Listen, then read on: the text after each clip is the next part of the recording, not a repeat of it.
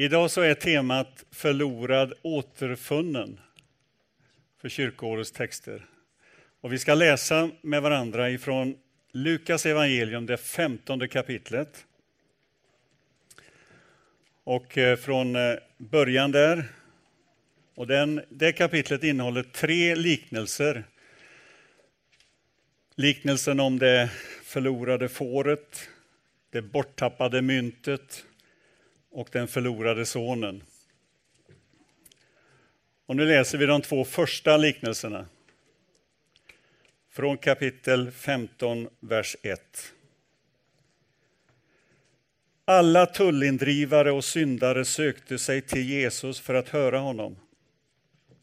Fariseerna och de skriftlärde förargade sig och sa Den mannen umgås med syndare och äter med dem. Då gav han dem denna liknelse.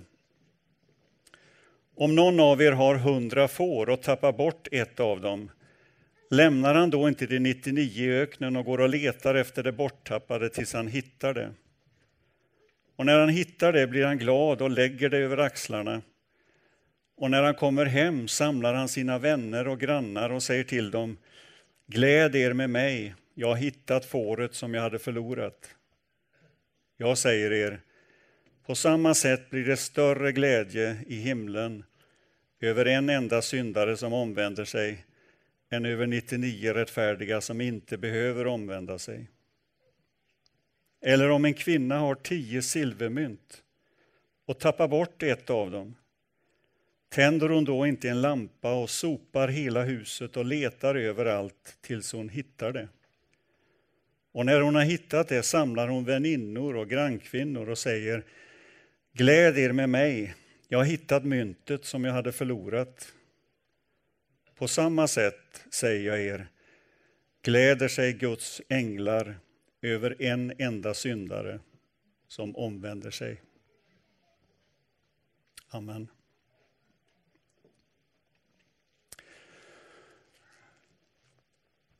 Ibland så är det nyttigt att gå tillbaka i sina predikningar och se vad har, vad har du predikat över Ingmar under åren? Vad är det som har varit ett, ett, någon röd tråd eller något ämne?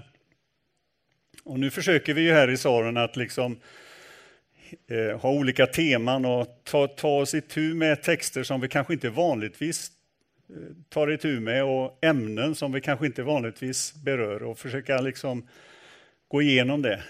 Eh, och ibland lyckas vi, ibland lyckas vi inte. Eh, och, men när jag går tillbaka och ser på på mina predikningar så är det detta med nåden som jag aldrig liksom har kommit ifrån. Och det är väl gott det. Alltså nåden har varit på något sätt ett sånt där tema som jag ständigt har återkommit till. Och kanske beror det på att jag själv är så beroende av nåden. Att ju mer jag upptäcker av mitt eget liv, min egen brustenhet, desto viktigare blir nåden. Och när man läser sådana här texter som vi nu har läst, eller det här kapitlet om den förlorade fåret och myntet och sonen, så innehåller de ju någonting som är väldigt skandalöst på ett sätt. Någonting som stöter till oss, som ruskar om oss. Eh, en bild av Gud som, som eh, överträffar allt vad vi egentligen kan tänka. Och därför så är det här budskapet idag liksom kanske en hälsning till dig som, som kanske har en annan bild av Gud. En Gud som kanske är sträng, en Gud som kanske är dömande. Att du är älskad av Gud, det framgår så tydligt i de här texterna. Och det var det Jesus ville säga. Eh, de tre liknelserna har sitt utgångspunkt i det här påståendet som vi inledde texterna med. Nämligen att folk sa om Jesus, den mannen umgås och äter med syndare. Det var liksom ryktet om Jesus. Jesus på något sätt sprängde gränserna och på något sätt så var det ju så att människor som då kände sig utdömda, kände sig misslyckade, att de drog sig till Jesus och fann att han var någonting att vara tillsammans med. Han gjorde någonting med deras tillvaro. Och så står de skriftlärda och fariseerna lite på avstånd och kritiserar detta. Alltså Jesus borde veta bättre. Och så ser vi hur olika grupper liksom belyses i de här texterna som har lästs. Det stora problemet för alla andra än Jesus, det var ju alltså karaktären hos dem som sökte sig till honom. Alltså vilka var det han umgicks med? Tullindrivare sägs det. Vilka var det? Ja, de var illa omtyckta utav flera orsaker. Eh, de var illa omtyckta därför att de hade eh, tagit anställning hos eh, romarna, alltså ockupationsmakten. Eh, de var illa ansedda därför att de tog ut väldigt mycket skatt. Och om man ska dra paralleller till vår tid så kan man säga, alltså, vem är det som har kommit på detta med trängselskatten? Alltså om vi tänker oss in, försöker tänka oss in i den situationen, vad vi tycker om det fram och tillbaka, det finns ju olika åsikter om det. Men den här gruppen människor som Jesus umgicks med och som fariseerna stod på avstånd och betraktade med avsky, det var de som hade kommit på det här med skatten. Alltså de som var illa ansedda. Syndarna då, vilka var de? Ja, det var, det var ju en grupp som man betecknade som, eh, som inte kunde Bibeln, som inte kunde Gamla Testamentet, som var olärda. De var allra längst ner, de kallade man för syndare. Så runt Jesus fanns syndare och tullare, eller tulltjänstemän, de som drog in skatt. De fanns hos Jesus. Och så står fariseerna och skriftlärde och betraktar detta och säger, ser inte Jesus vilka det är? Och så grymtar man och så tar Jesus och ger dem de här tre liknelserna. Varför umgås Jesus med de här? Kan man ställa frågan. Varför gör Jesus som han gör? Och Jesus svar på den frågan det är jag gör det jag gör därför att Gud är sån. Därför att den som är den, den stora fokuset i, den här, i de här texterna, det är, det, är, det är Gud och himlen. Glädjen i himlen över en enda människa som vänder sig till honom. Gud är sån, därför gör jag som jag gör. Och det andra är ju, varför drogs de här människorna till Jesus? Varför ville de vara nära Jesus? Varför kände dessa människor att här vill jag vara? I den här miljön, i Jesu närhet? Jo, det var ju nåden. Det var nåden som var så attraktiv och så hade ett sånt genomslag i deras liv. Eh, I dagen eh, läste jag igår en eh, artikelserie som börjar som handlar om kyrkans präktighet. Eh, jag läste de där eh, artiklarna som handlar om man har gjort undersökningar som visar att, att väldigt många människor har den bilden utav kyrkan som präktig, som tittar ner på andra och så vidare. Och det är ju, det är ju beklagligt och det är med sorg vi läser sådana undersökningar. När det borde vara precis tvärtom, precis som det var för Jesus, att det man var känd för det var, det var nåden, generositeten och frikostigheten. Och det är det som gjorde att människor drogs till Jesus. Och så ställer Jesus liksom de enorma kontrasterna i de här liknelserna, hur, hur stor glädjen är att finna det som har varit förlorat. Alltså det som tillhörde Gud, att det kommer tillbaka och finner sitt rätta sammanhang. Fåret som hade kommit bort. Eller penningen, om man tycker att det är en struntsak, det handlar kanske om ett värde på en krona eller någonting. Nu finns det ju andra förklaringar till detta, att det kanske har varit en, en typ av kedja som kvinnorna hade eh, med silvermynt på en tråd, trädd på en tråd. Alltså någon form av vigselring. Och så hade hon tappat en av de här penningarna eller mynten som hängde på den här tråden. Och då förstår vi att det inte bara var så att säga värdet i, i penningen eller myntet, utan det var också ett affektionsvärde. Det var ett värde som handlade om att hon var gift, hon var mor. Eh, och hon letar för att finna det. Och vigselringen är ju på något sätt en sån där sak som man inte gärna vill tappa, utan den ska finnas där. Eh, den påminner om någonting. Det är inte värdet i sig, utan det, det ligger så mycket mer omkring det. Och kanske var det så att hon söker och letar efter det. Och så när hon har hittat det, hon sopar där i, i sitt hem och hittar det så småningom, så ställer hon till med en hejdundrande fest. Alltså en fest som kostar långt mycket mer än vad det här myntet är värt. Och så vill Jesus lägga fram proportionerna på något sätt. Att, att festen, glädjen att tillhöra Gud är värt allt. Det är värt mycket mer. Precis som fåret som hade kommit bort så ställer han till med en fest och bjuder in grannar och vänner för att visa på att tillhöra Gud, det är det viktigaste som finns. Och hur kommer vi dit? Jo, genom nåden, genom Guds barmhärtighet. Så Jesus vill fokusera på två saker i den här liknelserna. Det, det ena är Guds oväntade, generösa hållning gentemot människor. Alltså, det, det, finns ingen hållhake i det Jesus gör. Vi tänker ju så ibland att ja, men det måste ju finnas någon hållhake någonstans eftersom han är så generös.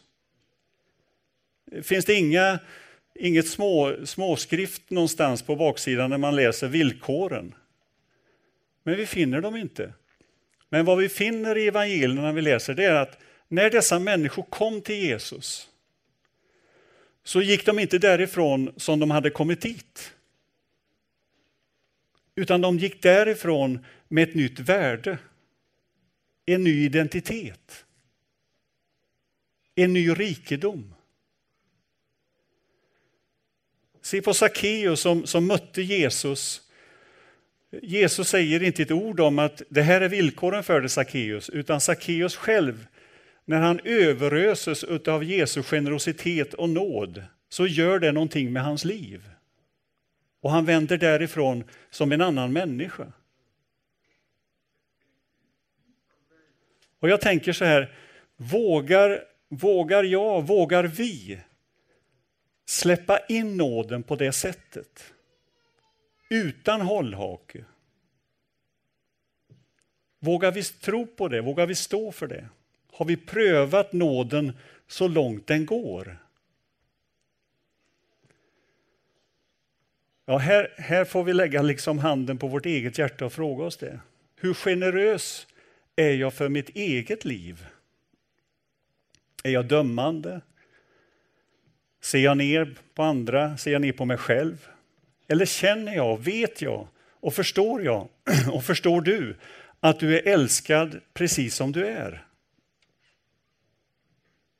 Nåden är ju någonting som kostar givaren allt och mottagaren ingenting.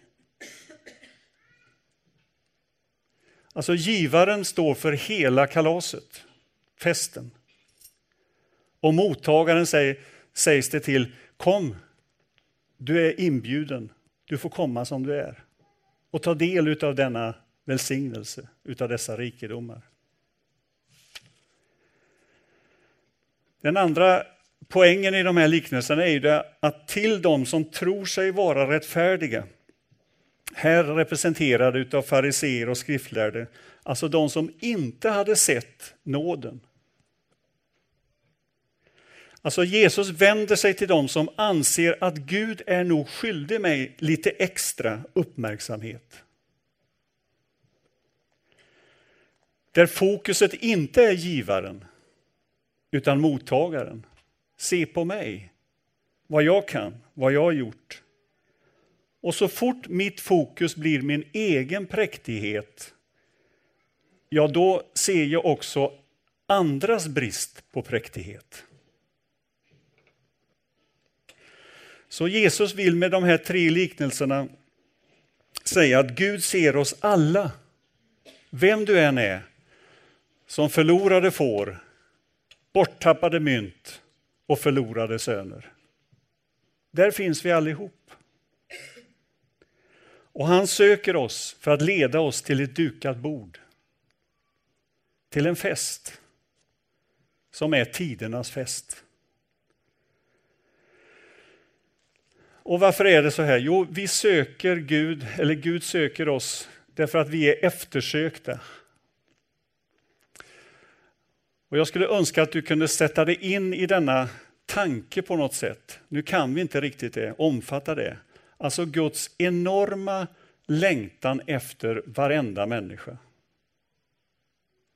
Och det är det som ställs på sin spets i den här liknelsen. Det är det som det handlar om. Det är det det går ut på. Att varje människa är eftersökt av Gud. Att Gud lämnar allt annat för att söka efter det förlorade. Så stor är Guds kärlek och det är det som står på spel i de här liknelserna. Och det är det som vi måste utsätta oss för. Jag måste utsätta mig för. Att varje människa är så älskad, så eftersökt av Gud själv. Och det är det som de här liknelserna vill säga. Och varför är det så? Jo, vi har vårt ursprung i Gud. Vi är hans. Myntet, det var kvinnans mynt från början. Fåret, det var han som herdens får. Sonen, ja det var faderns son. Och vi är alla utgångna från Gud. Han har skapat oss. Vi anar honom.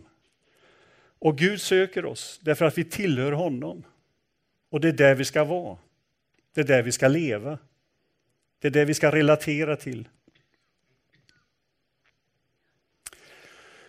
Och jag tänker mig den här bilden utav eh, skulptören som gör en, en, en bild ur ett stenblock eller vad det nu är. Så brukar man ju säga så här att, att skulptören ser bilden innan den är framtagen. Och så handlar det om att få bort allt det som inte hör till bilden. Skala bort det, hugga bort det. Och kanske det är så att Gud snarare är innestängd i oss än utestängd från oss. Kanske det är så för varje människa. Att Gud finns innestängd hos varje människa. Och att det liksom är det som Jesus vill sätta fokus på i de här liknelserna. Att vi tillhör egentligen Gud. Men det finns så mycket som behöver tas bort för att den bilden ska komma fram ur våra liv. Och därför så säger Jesus så tydligt efter de här liknelserna, det blir större glädje i himmelen över en enda syndare som omvänder sig. Alltså det finns någonting som hindrar oss från att komma dit till den bestämmelse som det var tänkt. Sen finns det ju i de här liknelserna någonting som är genomgående och det är att alla tre liknelserna avslutas med en hejdundrande fest. Ett kalas utan dess like. Ett av mina första kalas som jag minns, det var när jag var, gick i skolan i lågstadiet och jag var bjuden på kalas till Carl Gustav. Carl Gustav var inte vem som helst, det var polisen på Donses pojk. Och att bli bjuden dit, det var någonting helt fantastiskt. Tänk att jag blev bjuden dit. Få komma in och träffa polisen. Bara det. Utan att man hade gjort någonting. Och när vi kom dit så blev vi mottagna. Och när vi kom dit så hade han någonting som vi som växte upp på den tiden inte var så vana vid. Det var att vi, vi fick se på film när vi kom dit. Och han riggade upp sin, sin eh, sån här apparat och visade en film, en tecknad film om Hacke Hackspett som blir överkörd av en ångvält och ändå reser sig upp och lever vidare. Alltså jag kan fortfarande se den filmen på näthinnan i mitt huvud. Och så fick vi äta. Vi fick saft och kakor och tårta. Och jag tror vi fick med oss en liten present därifrån också när vi gick därifrån. Alltså det var tidernas fest. Jesus tar fram, om du tänker dig en fest, den allra bästa du har varit med om, och så fördubblar den ett antal gånger så kanske du kommer i närheten av det Jesus vill betona i den här texten. Alltså den kontrasten. Vad är en fest för någonting? Ja, det finns åtminstone eh, fyra aspekter jag skulle vilja lyfta fram. Och det ena är att en fest berör ju alla sinnen på något sätt. Syn, smak, hörsel. Allting finns där. Känslor. Den inkluderar allting. Och det säger oss att att komma till Gud berör alla våra sinnen. Det är inte bara på ett teoretiskt plan, det är inte bara på ett känslomässigt plan, det innefattar hela människan. Vi får tänka, vi får känna, vi får glädjas, vi får vara upprymda och känna att, att det här berör hela mig. Och detta med Gud berör hela vår tillvaro, alla dimensioner, alla sinnen. Hela människan. Det andra som eh, den här eh, texten vill visa på när det gäller festen, det är ju att måltiden gör något med vår vardag. Alltså Jesus tar fram det mest, det mest centrala i den tidens kultur, i den tidens sätt att, att umgås med varandra. Det var måltiden. Nu har vi förfuskat den i vår tid på något sätt. Men vi ställer till med ordentliga fester ibland. Men ofta ska det gå snabbt och fort och så vidare. Men måltiden stod för någonting mycket, mycket mer än att äta och bli mätt. Det stod för gemenskap. Det stod för vardagen på dess mest centrala punkt på något sätt. Så måltiden är en hälsning rakt in i din vardag, där du finns. Det är där Jesus vill vara. Nattvarden som vi kommer att fira här alldeles strax är ju också en sån där hälsning rakt in i våra vardagar. Jesus tog det mest basala, bröd och vin, dryck och mat. Alltså det som, det som ingen av oss kan vara utan för att överleva. Det tog Jesus och sa, dela det mellan er. Låt det få vara en påminnelse om den stora festen i Guds rike. Låt det också vara en påminnelse om att det mest basala, det mest nödvändiga som finns i era liv, där vill jag vara. Där vill jag dela. Det tredje är att en fest handlar ju om, det ligger på ett personligt plan. Alltså jag blev inbjuden till Carl Gustaf, jag kommer inte ihåg hur, hur inbjudan gick till. Kanske vi möttes. Förresten så gjorde jag ett paket också och gav till Carl Gustaf. Och då, då, tog man en potatis och så satte man en, kro, en krona på varje öra och så en krona till mun och så gav man den. Är det någon som har gjort så? och så kom man det här, vad uppfinningsrik jag är och så vidare. Men han fick några kronor i alla fall. Potatisen var inte mycket att ha. Men... Så slog man in det i vackert paket. Det var inte så mycket diskussion om vad en present skulle kosta som det är idag. Idag är det ju stor dramatik omkring detta. Men inbjudan var personlig. Och inbjudan till dig är personlig. Alltså du är välkommen till festen. Festen, bordet är dukat, rätterna är framtagna, men du måste resa dig från din plats och gå fram och sätta dig vid bordet. Och det säger oss någonting om att, att vara deltagare i festen handlar om att Gud vädjar till ditt, ditt förstånd, din tanke, ditt hjärta, din känsla, alla dina sinnen i den meningen. Du kan säga ja och du kan också säga nej. Så handlar Gud med oss. Han säger inte du måste komma och tvingar dig dit, utan han inbjuder med sin stora generösa nåd och barmhärtighet. Och så får vi resa oss upp på något sätt, bildligt och bokstavligt, och ställa oss på våra fötter och gå fram och vi får fatta beslutet, jag vill vara med. Jag vill inte stå utanför.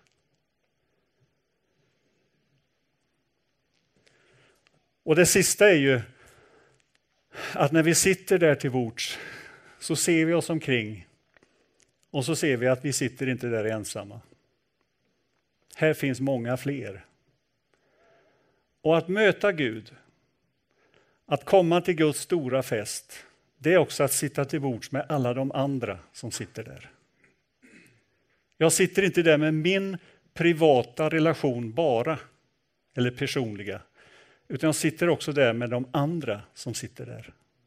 Med allt vad det innebär. Att ta hänsyn,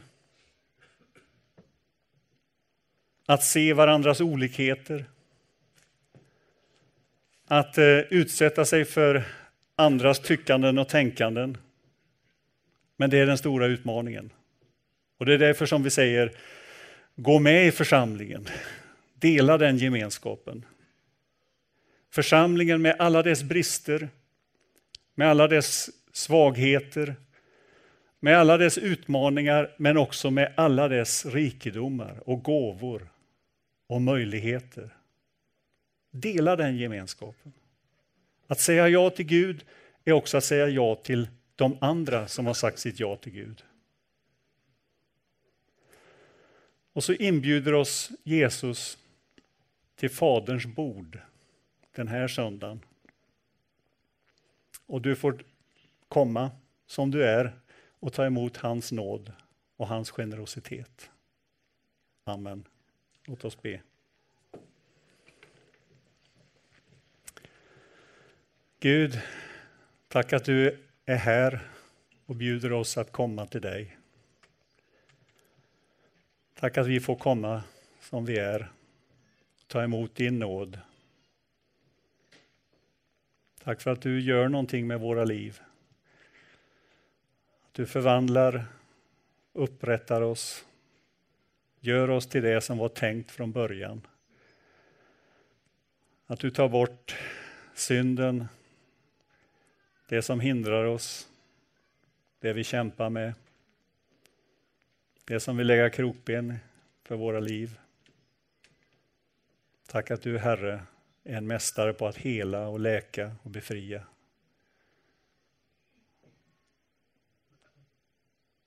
Amen.